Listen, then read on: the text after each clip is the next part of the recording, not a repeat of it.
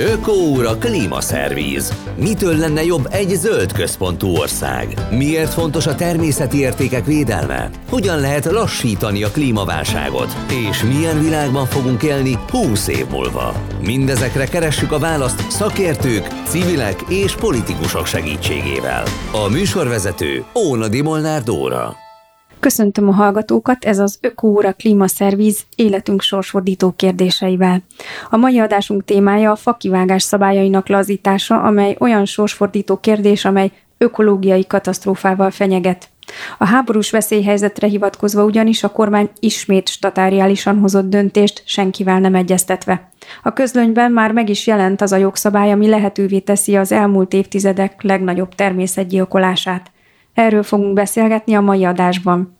Köszöntöm a stúdióban vendégeimet, Jenei Ferencet, az LMP Győrmosoni elnökét, aki erdésztechnikai és faipari üzemmérnök, illetve Kocsis Mihályt, a Vértesi Erdőgazdaság volt igazgatóját, erdészeti vadászati igazságügyi szakértőt, a Soproni Erdészeti Egyetem címzetes docensét. Nagyon köszönöm, hogy befáradtak ide a stúdióba. Mi is köszönjük. Mi is köszönjük. Először talán beszéljünk arról, hogy mi áll ebben a rendeletben pontosan. Kormány energetikai válsághelyzetet hirdetett, na most ez nem válsághelyzetnek tűnik, hanem ez konkrétan a kormány pánik, pánik helyzetének tűnik. E, az, amit elmondott Orbán múlt hét pénteken az erdővel kapcsolatban, ezeket a rendeleket, amit szerintem Kocsis Mihály jobban ismer nálam a részleteiben, e, Nekem az a mögöttes tartalom jön ki, hogy egyrészt Orbánnak fogalma se volt, hogy mit olvas föl, tehát szakmailag nyilván nem érte ez a történet, se az energetikához, se az erdőhöz. Ezt valaki megírta, és azt mondta neki, hogy ez biztos jó lesz így.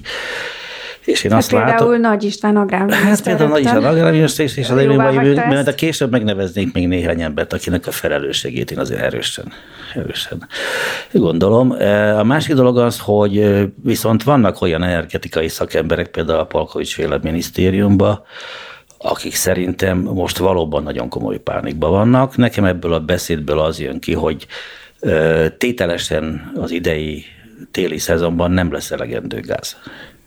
Tehát se olcsó, se drága, egyáltalán nem lesz annyi gáz, amivel ki tudjuk fűteni az összes magyar családnak a lakását, és erre a pánik helyzetre próbál a kormány valamilyen megoldást találni, és találtak egy elképesztően amatőr megoldást. Tehát ez, ez, ez valami abszurd, amit ők kitaláltak.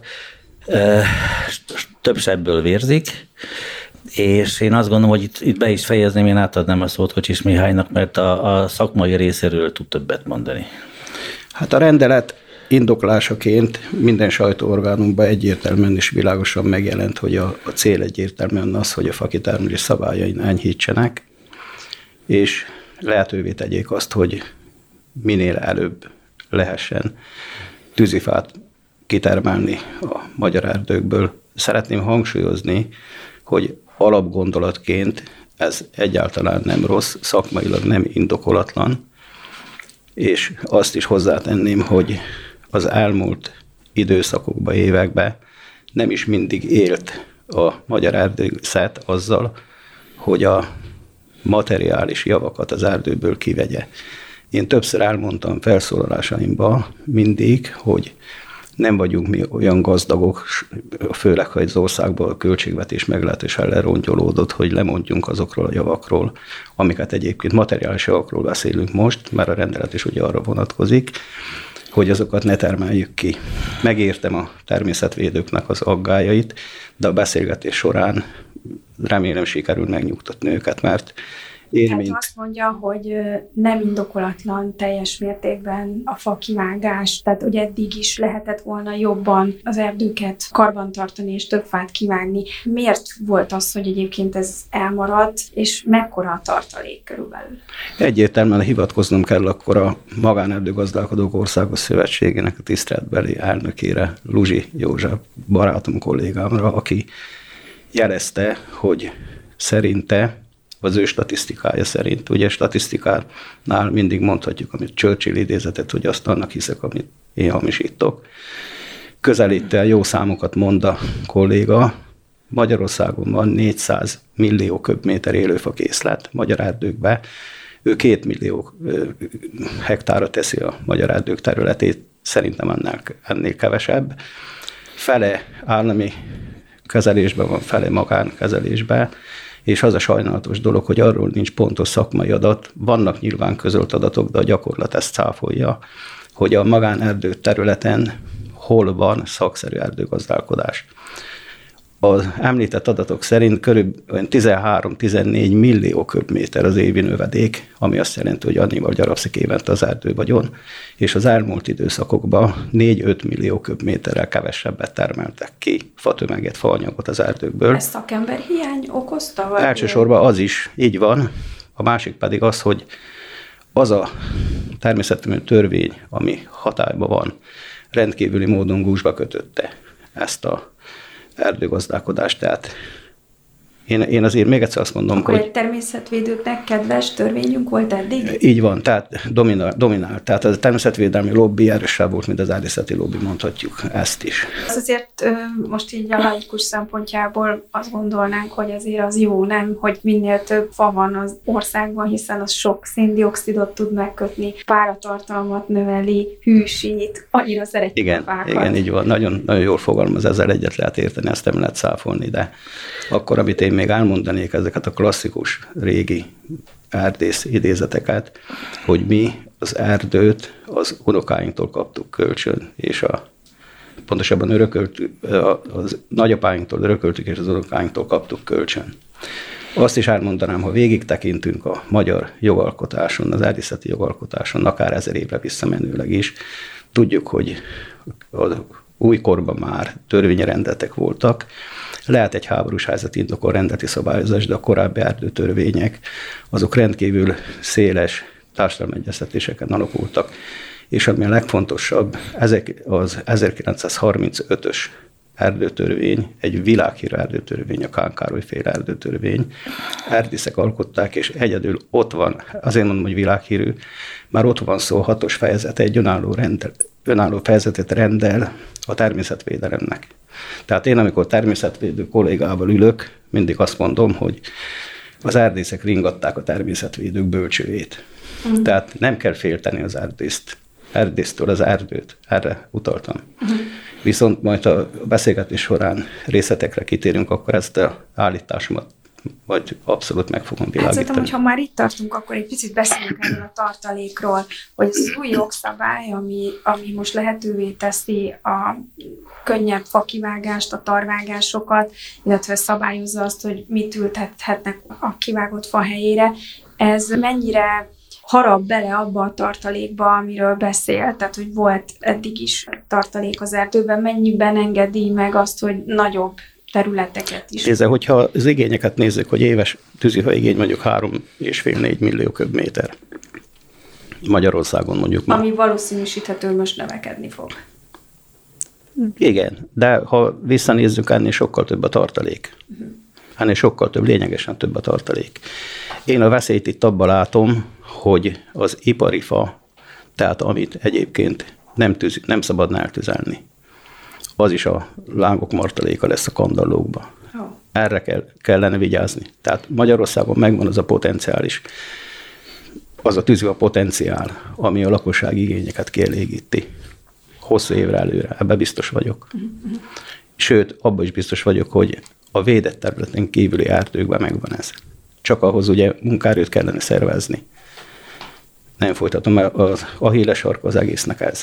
A másik pedig, hogyha a lakosság igényeket akarunk kielégíteni, akkor arra is figyelni kell, hogy hogy kerül ez a tűzifa olyan állapotba, hogy a marinéni otthon be tudja tenni a kájhájába. Hát igen, mert ha most kivágják, akkor az még ki se tud száradni. Tényleg. Az rendben van, hogy nem tud kiszáradni, de ki lesz, aki mondjuk konyakészé varázsolja azt, amit mondjuk az erdőgazdaságoktól négy méteres tűzifát, hosszú, hengeres anyagot meg lehet vásárolni. Mert sajnos az egyméteres klasszikus tűzifa szokvány szerinti sarang az már lényegesen kevesebb, mivel nincs emberképek termelnek, és minél nagyobb darabba hagyják meg a tűzifa alapanyagot, az még utána további feldolgozásra szorul.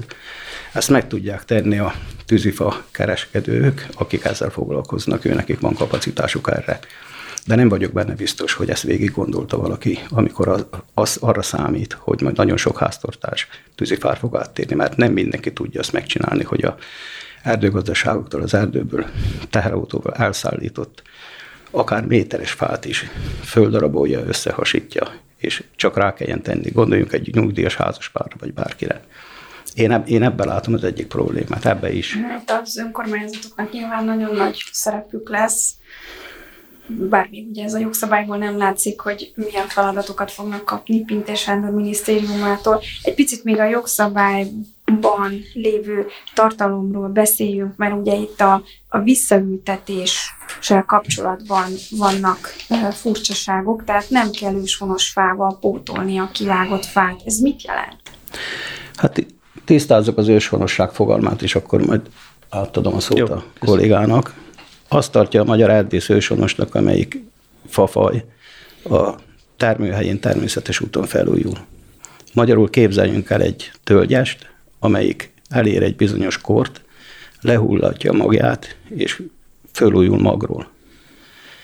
Ez nem minden esetben van így, és a veszélyes ebbe a törvénybe az, hogy itt a tölgyesnél is megengedi azt, hogy nevezzük ősonosnak a tölgyet, de már sajnos az aszályról is esik szó, nem biztos, hogy magról felújul.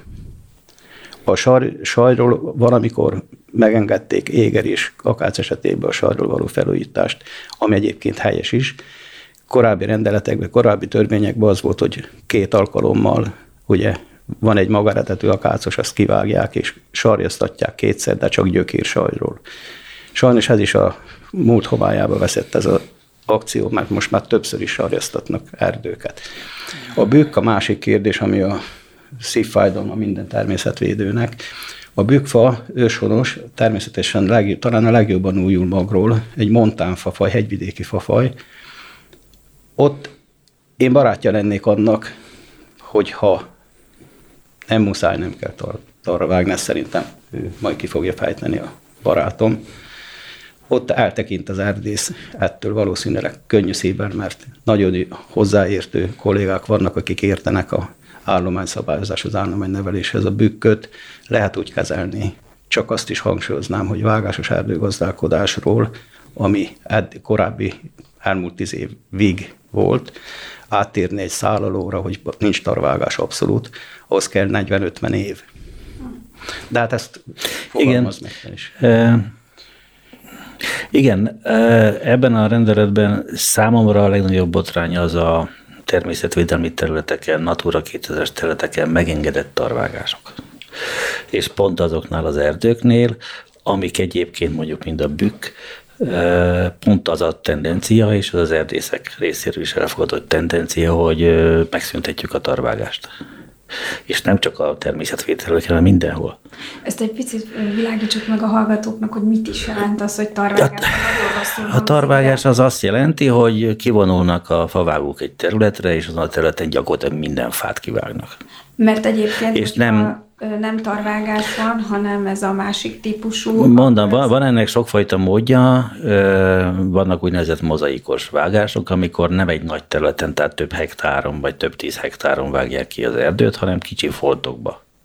Van szállalóvágás, amikor konkrétan kiemelnek az erdőből egy-egy fát és ugye a leg, legújabb, talán a legkorszerűbb technológia, az pedig az örökerdő, ahol tulajdonképpen folyamatosan zajlik fáknak a kiemelése, kivágása a területről, és folyamatosan újul fel az erdő, tehát egy olyan erdőt kell elképzelni, ahol a nullától 120 éves korú fákig vegyesen van mindenféle erdő, és én azért itt megragadnám az alkalmat. Ugye ennek az örökerdőnek az egyik zászlós hajója a legelsők között bevezette, aki bevezette ezt a technológiát, az a Pilisi Parkerdőgazdaság.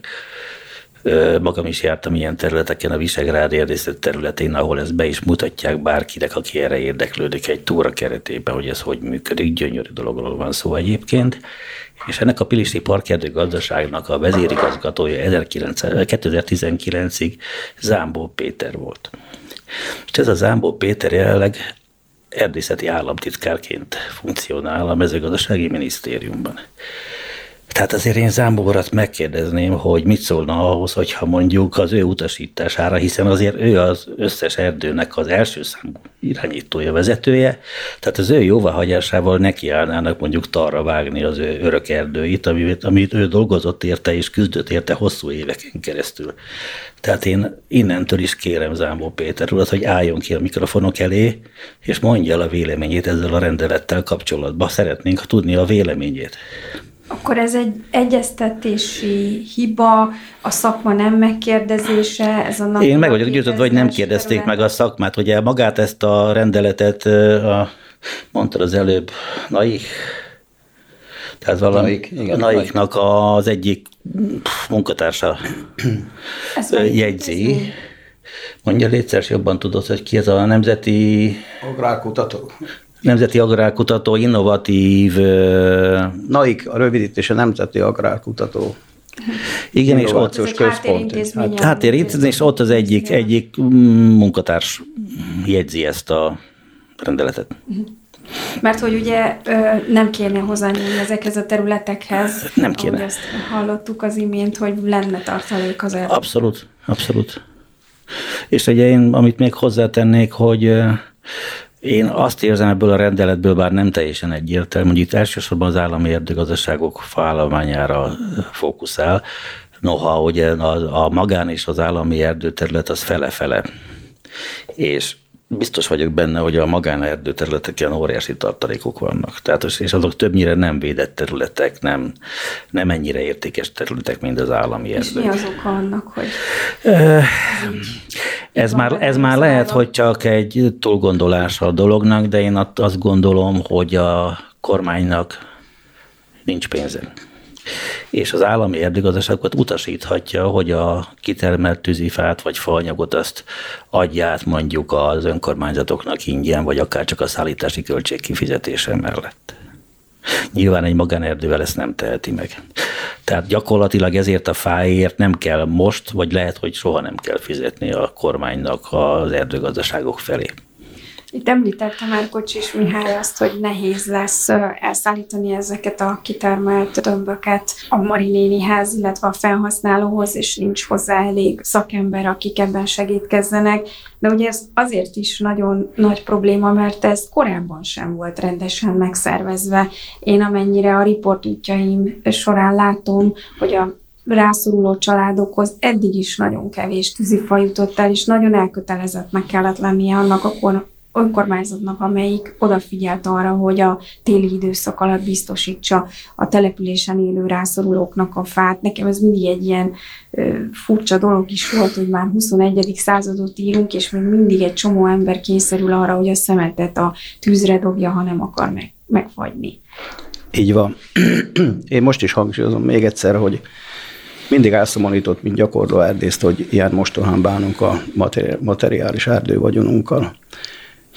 Nemrég egy fél évvel ezelőtt, még a háború kitörés előtt, vagy a veszélyhelyzet bejelentés előtt hallottam Nagy István agrárminiszter úrnak egy kijelentését az erdőre vonatkozóan, hogy az erdőknek az a feladata, hogy a, gyakorlatilag az értelme ez volt, nem szó szerint mondom, hogy a rekreációs célokat szolgálja.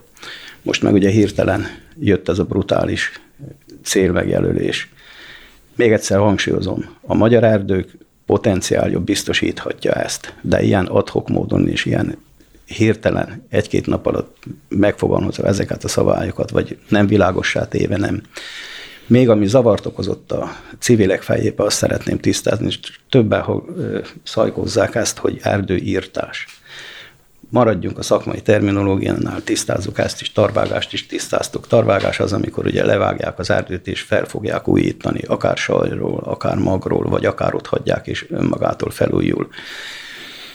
Az erdőírtás az azt jelenti, hogy tuskóstól együtt kiszedik a fát, és ahol erdő volt, ott többet nem lesz erdő.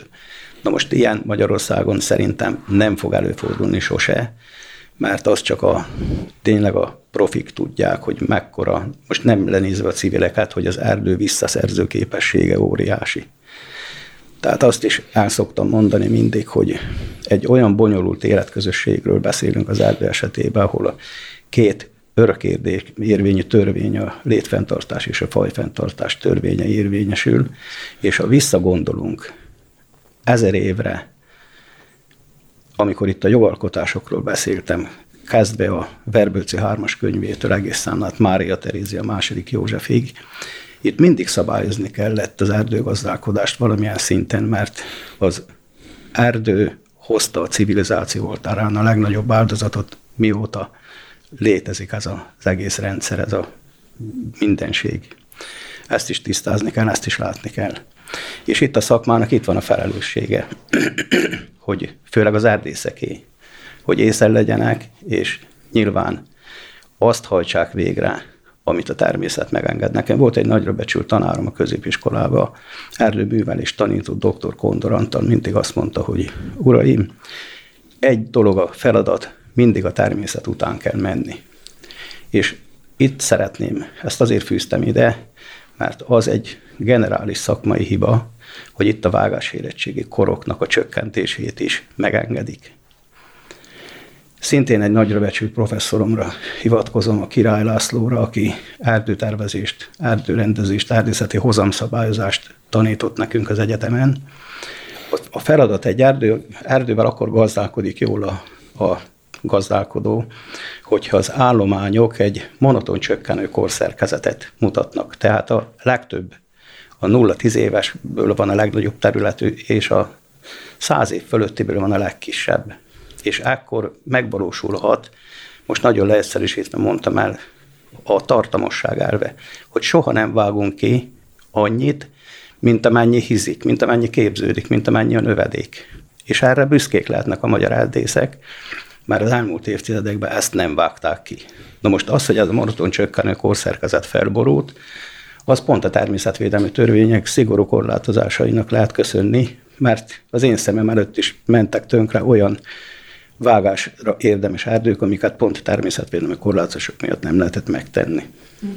De én itt még egy mondatot hozzáfűzhetnék, vagy talán többször is át fogom még mondani, hogy én arra kérem a természetvédőket innen is, hogy figyelnek oda, és ellenőrizzék azt, hogy néhány árvész nem tévede meg annyira, hogy túlságosan meg akar felelni annak, amit most a főnökei vagy a kormány rendelet elvár tőle. Mert valóban, még egyszer hangsúlyozom, az unokáinké ezek az erdők. Innen folytatjuk egy kis szünet után, nem menjenek messzire. Ökóúra klímaszervíz. Mitől lenne jobb egy zöld központú ország? Miért fontos a természeti értékek védelme? Hogyan lehet lassítani a klímaválságot? És milyen világban fogunk élni 20 év múlva? Mindezekre keressük a választ szakértők, civilek és politikusok segítségével. A műsorvezető Óna Molnár Dóra. A fakivágás szabályainak lazítása ökológiai katasztrófával fenyeget az ellenzék és a szakma szerint. Erről beszélgetünk az Ökóra második felében is. Jenei Ferencer, az LMP Győrmosoni elnökével, aki erdésztechnikai és faipari üzemérnök, illetve Kocsis Mihályal, a Vértesi Erdőgazdaság volt igazgatójával, a Soproni Erdészeti Egyetem címzetes docensével, erdészeti vadászati igazságügyi szakértővel.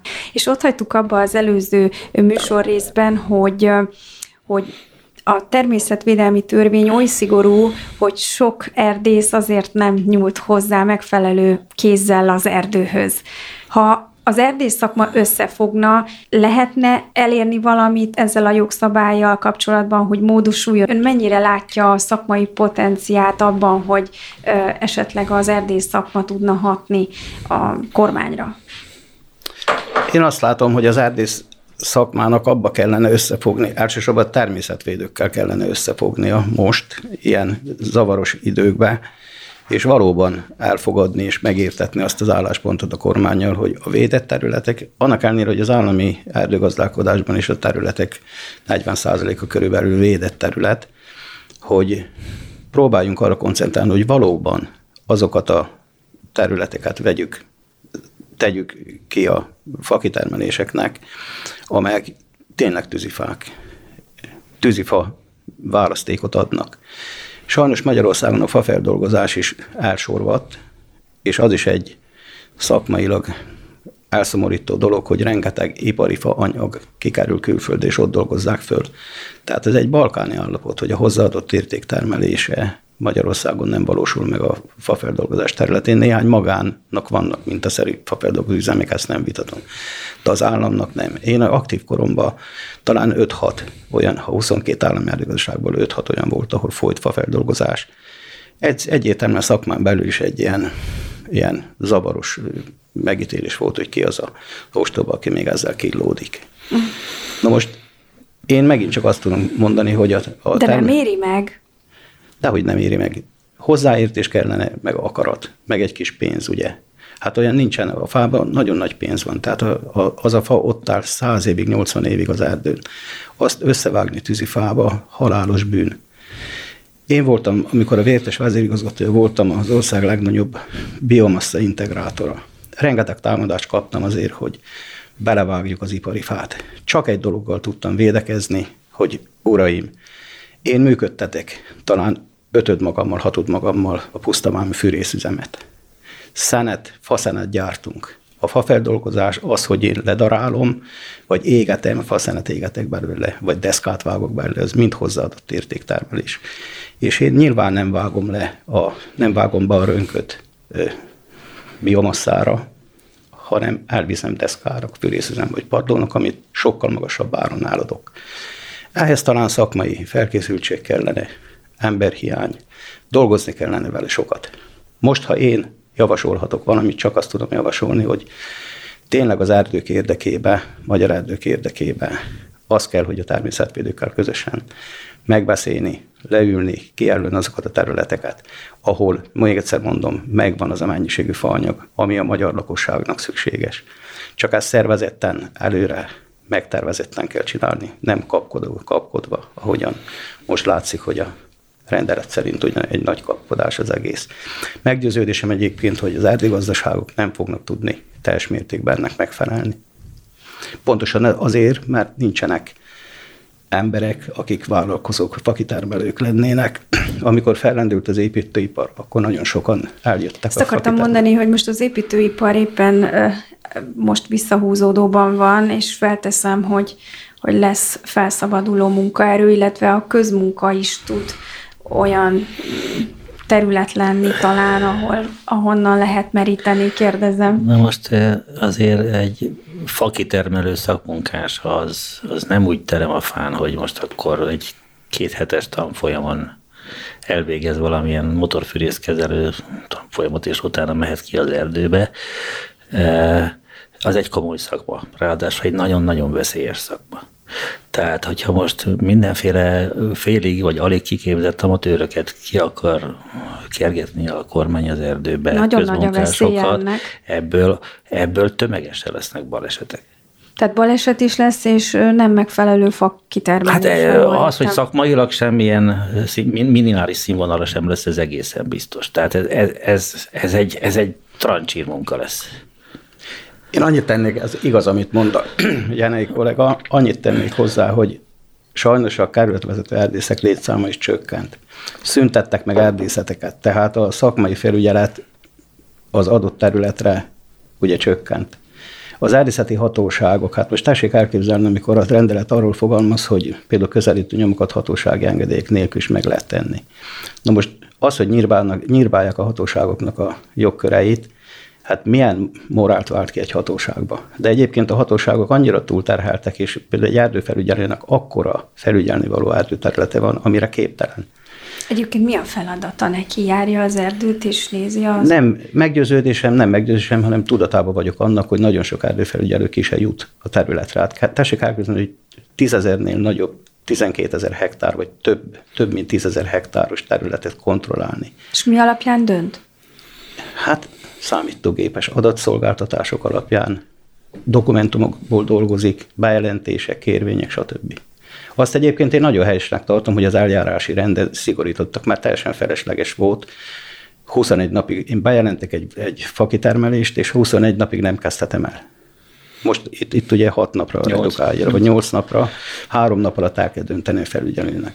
Tehát ez, ezek valamilyen modern, ez egy jó, jó, oké, rendben van.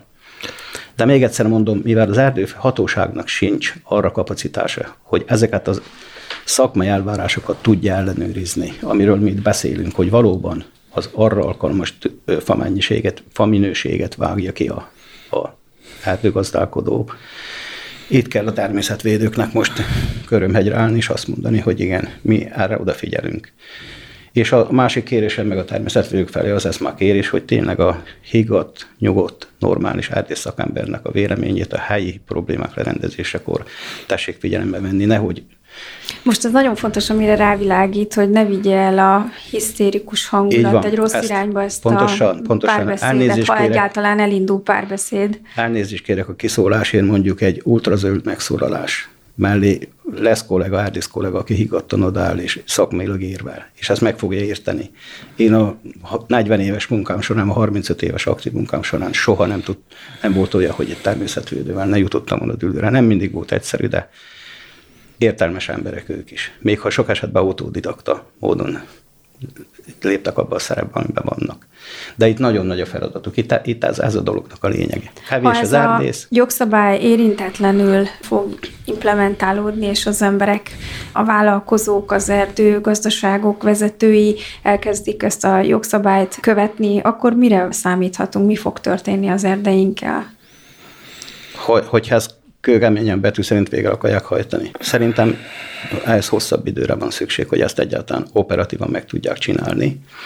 Újra emlékeztetnék arra, hogy nagyon sok kollega elhagyta a pályát, főleg a tő melletti erdész, aki az erdő kezelését operatívan intézte. Tehát először is meg kellene szervezni azokat a kommandókat idézőjelbe, akik mondjuk kimennek fát vágni. Előbb a Jenei kollega utalt rá, hogy azért ez egy komoly, a bányászat után a második legveszélyesebb szakmunka a fakitermelés. Nincsenek kapacitások. Akik leszereltek fakitermelők, eladták a motorfűrészüket, a darújukat, a teherautójukat. Erre újra fölépíteni. Én nem akarok ötletet adni a kormánynak, de az ne legyen, hogy kivezénylik a tűzoltóságot vagy a katasztrófa védelmet. Ők mondjuk értenének hozzá, mert nekik van eszközök hozzá, hogy termeljenek erdőt. De hát itt ez, ennek beláthatatlan következménye lennének szakmailag is. Látom, okay. Jenei Ferenc hozzátenne valamit. Igen, a igazán egy korábbi mondatához kapcsolódnék a Isinek. Érkezett hozzám, személyesen hozzám úgy az erdészektől, mint, mint tényleg környezetvédőktől egy kérés, és ennek eleget is teszünk, tehát az LMP támogatásával a kollégák ígérete szerint körülbelül egy hét múlva elkészül egy olyan internetes oldal, ahol be lehet jelenteni fakitermeléseket. Na most nyilvánvaló, hogy ezeknek a jelentős része teljesen szabályos, betervezett fakitermelés lesz, de biztos, hogy lesz benne olyan, ahol túlkapások történnek. És ezeket a bejelentéseket, tehát erre az oldalra föl lehet tenni, ezt ott rögzítjük, és az erdész kollégákkal közösen fogjuk kiértékelni, hogy hol történtek olyan dolgok, amik, amik túlmennek egyrészt a jogszabályokon, vagy túlmennek a, az etikán. Tehát azért itt beszéljünk arról is, hogy nem csak jogszabályoknak kell megfelelni, hanem etikai elvárások is vannak, tehát Például én azt gondolom, hogy most szeptember 1-én nekiállni, kivágni fákat, amikor még lombosak és még élő nedves fák vannak, tehát szeptemberben nekiállni mondjuk erdőket letermelni, ne adj Isten tarvágni, az egy, az egy óriási etikai hiba. Most lehet, hogy megengedi a jogszabály, mert megengedi gyakorlatilag ez a mostani határozat, de ilyet, ilyet etikusan nem tesz meg egy erdész. Tehát ezekre is gondolok, hogy mi nagyon gyorsan elkészítjük ezt az internetes oldalt, ide várjuk a bejelentéseket, még egyszer valószínűleg a jelentős része nagy többsége szabályos lesz. De igyekszünk kiszűrni azokat, ahol túlkapások történnek, és ott viszont igyekszünk eljárni, vagy valamilyen módon megakadályozni ezt. Az LMP ugye mással is készül, elindítottak egy petíciót, amely nagyon rövid időn belül 10 ezer, 13-14 ezer aláírással rendelkezik Így már. Van. Hát ez egy, ez egy nyilván ez egy tiltakozás a, a kormány kapkodása és a kapkodó döntéshozatala ellen elsősorban. Itt az a dolog, hogy ez egy, ez egy pánik helyzetet mutat, gyakorlatilag a kormány pánikreakciója ellen tiltakozunk elsősorban. Hm. Elképzelhető, hogy lesznek demonstrációk, vagy most úgy látom a interneten, hogy nagyon sok szervezet elkezdett mindenféle tüntetést szervezni.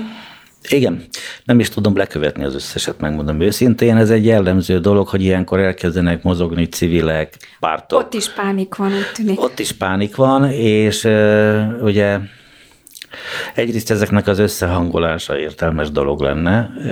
A, a túlzásoknak a lenyírbálása, én elnézést kérek a zöldektől, a sötét-zöld dolgoknak a lenyírbálását én fontosnak tartom, tehát ne keltsünk hisztériát.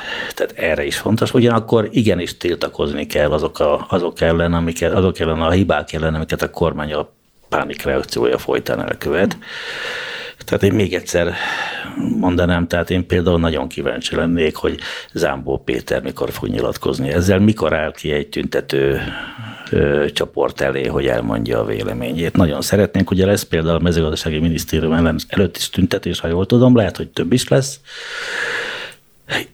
Ki kéne menni az ajtó elé és elmondani, hogy ő meg is mit gondol el a dologról, úgyhogy most ezen meg is hívom akkor Zámbó urat egy ilyen nyilatkozatra, azt hiszem talán pénteken lesz egy tüntetés, egy nagyobb tüntetés. Úgyhogy hallgatnánk. Erdőszerető emberként azért az jó látni, nem, hogy az embereket ilyen elementáris felháborodással tölti el pusztán az a tudat, hogy féltik az erdőt ettől a jogszabálytól. Hogy, hogy nem, hadd mondjak még egy érdekes példát, amit talán kevesen ismernek. A trianoni döntés után Ugye az erdők 84-86 százaléka elszakadt az anyaországtól, és akkor a, magyar, a kis Magyarország területének a 12 százaléka maradt erdő.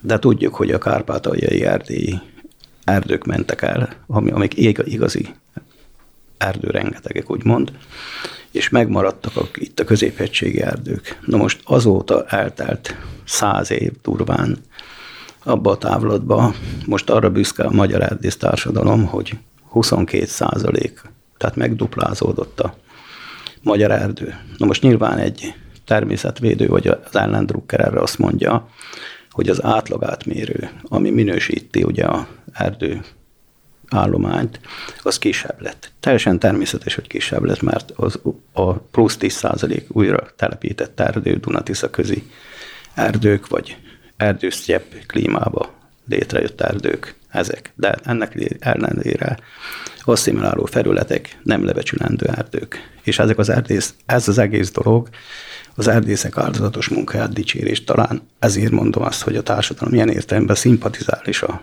az erdő szerető emberrel nyilvánvaló. Ezt én is tapasztaltam mindig. Csak néha, amit a Feri mond, hogy a ultra dolgokat, meg a szélsőségeket kellene mellőzni. Igen, hát az minden területen jó, hogyha fundamentalisták Persze. egy kicsit ki vannak szorítva. Mi az oka annak egyébként, most már többször említette a szakember hiányt, hogy a fiatalok körében, az utánpótlás körében kicsi az érdeklődés. Ez egyértelműen az anyagi megbecsülés. Amikor egy kerületvezető erdészre rá van bízva, mondjuk egy 1200 hektáros erdőterület, és gyakorlatilag megélhetési problémái vannak, hát nem akarok számokat mondani, mert, mert sokkoló. Tehát, tehát körülbelül a tanár, és feleségem tanár, iskolaigazgató. Ismerem nem csak a sajtóból, testközelből is a, a viszonyokat tanárok között járok én is. Az erdész annak ellenére, hogy nem végzett főiskolát, de azon a szinten van, vagy az alatt a szinten van, ahol ott soha hatványozottabban nagyobb a felelőssége. És a legfájóbb még a mai magyar erdészeti gyakorlatban az, hogy az erdőművelés, ami a alapja a szakmának, arra, nincs, arra sincs elég pénz. Hát ez elkeserítő helyzet, de még egyszer mondom, hogy ha nem is az ideális, de mondjuk egy közelítőleg ideális állapothoz mekkora pénz hiányzik az ágazatból? Én ezt nem tudom megmondani, mert az egész ágazat ökonómiailag nincs rálátásom, annak ellenére, hogy mondom, 25 évig erdészeti felsővezető voltam, de hát változnak a, a viszonyok. Egyértelműen azt lehet mondani ezt egy hivatkozom mondjuk a Samuelson Nobel-díjas közgazdászra, hogy az erdők jövedelmezősége 3-5 százalék. Meg kell nézni, hogy a, melyik az az erdőgazdaság, amelyik ezt nem produkálja, vagy produkálja, vagy ámblok produkálják-e. De mivel mindig, minden relatív, tehát erdő esetében meg kell határozni, hogy mi a cél. De az, hogy, hogy nyereséges és, és van benne kivehető profit, ez kétségtelen így van. És mondom, az, az, hogy elvándorlás volt a szakmában egyértelműen az, hogy egy kárötvezető erdész nem tud jövőt építeni. Ezt én felelősen mondom, mert körülbelül száz embert indítottam el a pályán, akik aztán annak a 80%-a már ott hagyta. Elkeserítő. Sokat beszélünk ebben a műsorban az országot sújtó szájról. Az erdőket mennyire érinti ez a nagyon súlyos természeti katasztrófa, hogy így fogalmazzak. Érdekes, még fiatal mérnök koromban, mikor erdőművelési műszaki vezető voltam, erdővédelmi jelentéseket kellett tennünk. Aztán ezek is valamilyen szinten elsoroltak, ott abszolút rögzítve volt az aszálykár is. Most magánerdősökkel jobb, többet vagyok kapcsolatban, mindenki panaszkodik. Tehát úgy, úgy ahogy hagyjuk a szőlőkbe, vagy bárhol, mezőgazdaságról nem beszélve, Velencei tó esetét nézzük, hát nem múlik el nyomtalanul ez, és hogy az erdők esetében még az is a gond, hogyha kevés az évi csapadék, az a csapadék eloszlása is fontos. Az erdőt jobban megviseli az, hogyha a csapadék, hiába, van meg mondjuk a csapadék, de ha az eloszlás Egyszerre rossz... Egyszerre zúdul rá az van. erdőre. A másik meg az nekünk azt tanította, ha már professzorainkról azért emlegetek már, ha van erdész kollega, aki hallgatja, akkor remélem emlékeket idéz bennük. Szótvír professzor, természetbetani tanszék, kiváló professzora. Ő azt tanította nekünk, hogy ahol nincs 600 mm csapadékot, nincs erdő. Tehát az a minimum. Magyarországon az átlagos évi csapadék mennyiség az Alpok alján van körülbelül 6-800 mm.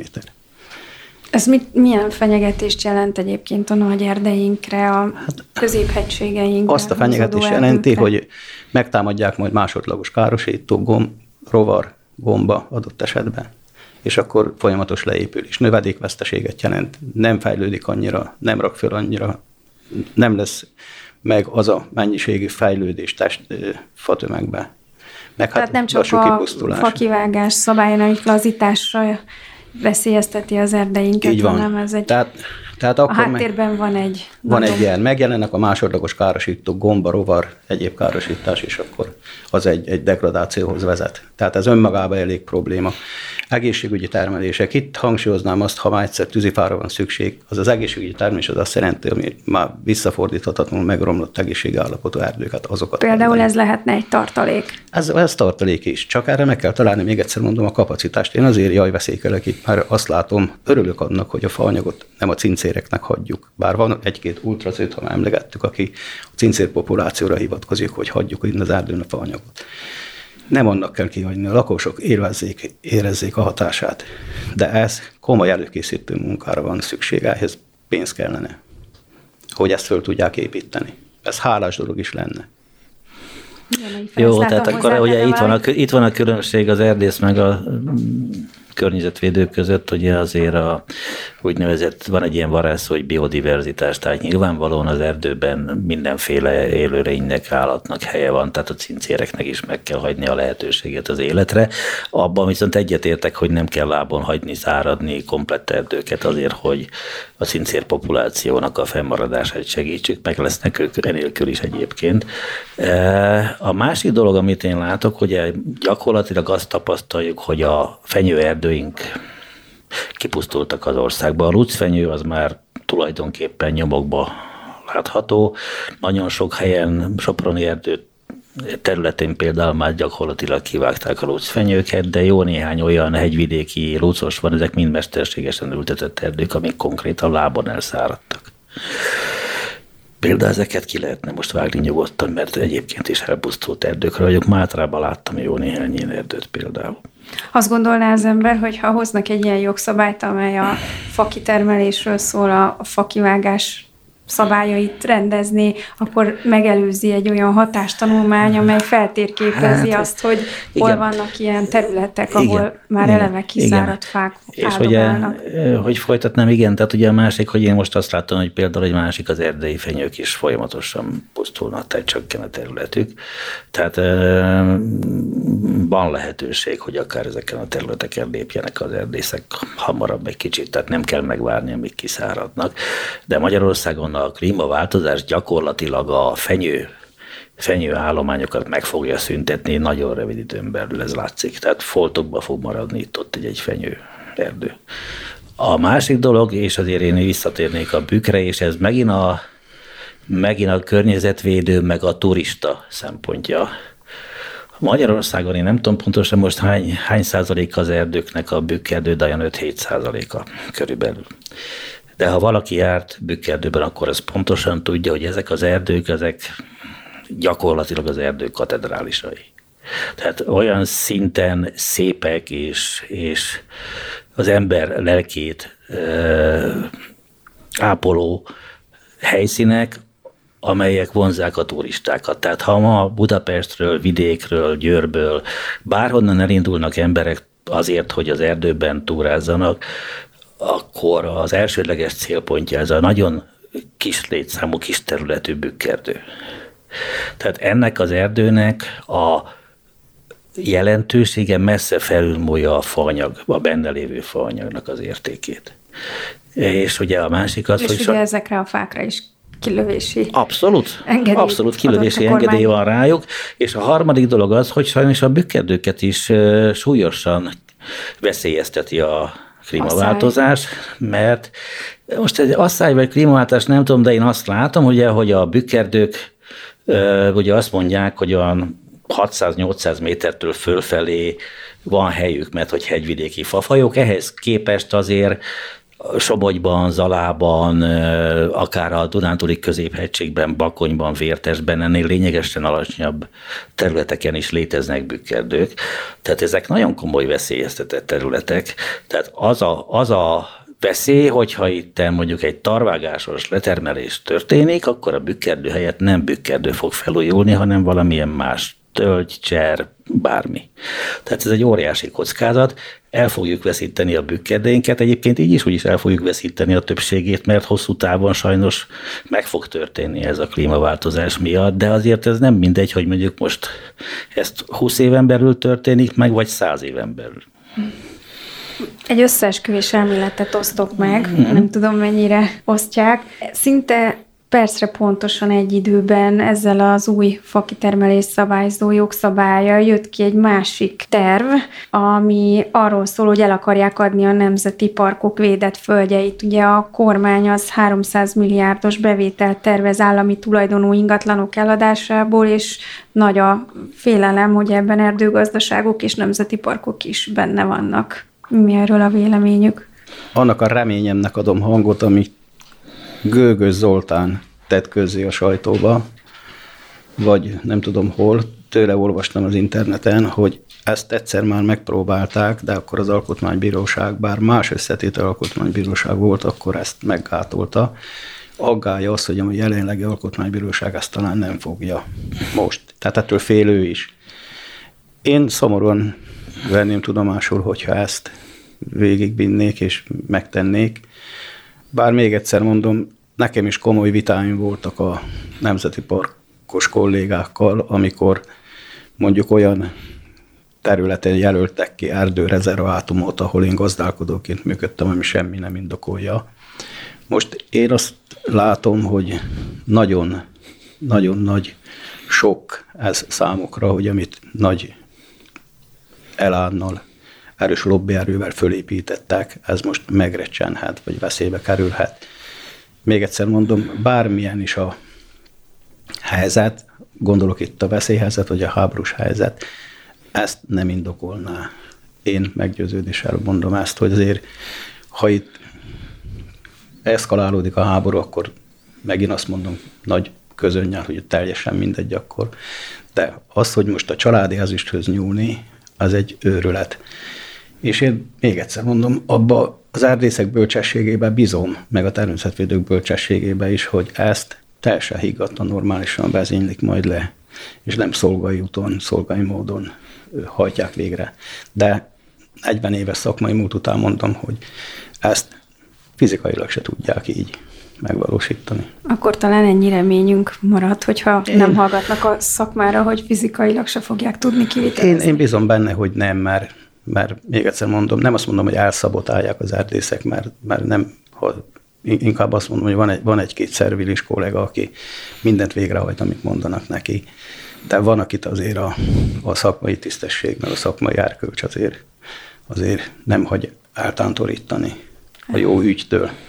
Ezzel az optimista gondolattal zárnánk a mai ökórát, ennyi fért az adásidőbe. Köszönöm szépen vendégeimnek, hogy befáradtak a stúdióba, Jenei Ferencnek, az LMP Györmosoni elnökének, aki erdésztechnikai és faipari üzemérnök, illetve Kocsis Mihálynak, a Vértesi Erdőgazdaság volt igazgatójának, erdészeti vadászati igazságügyi szakértőnek, a Soproni Erdészeti Egyetem címzetes docensének. Köszönjük szépen. Köszönjük. Minden jót kívánok Önöknek.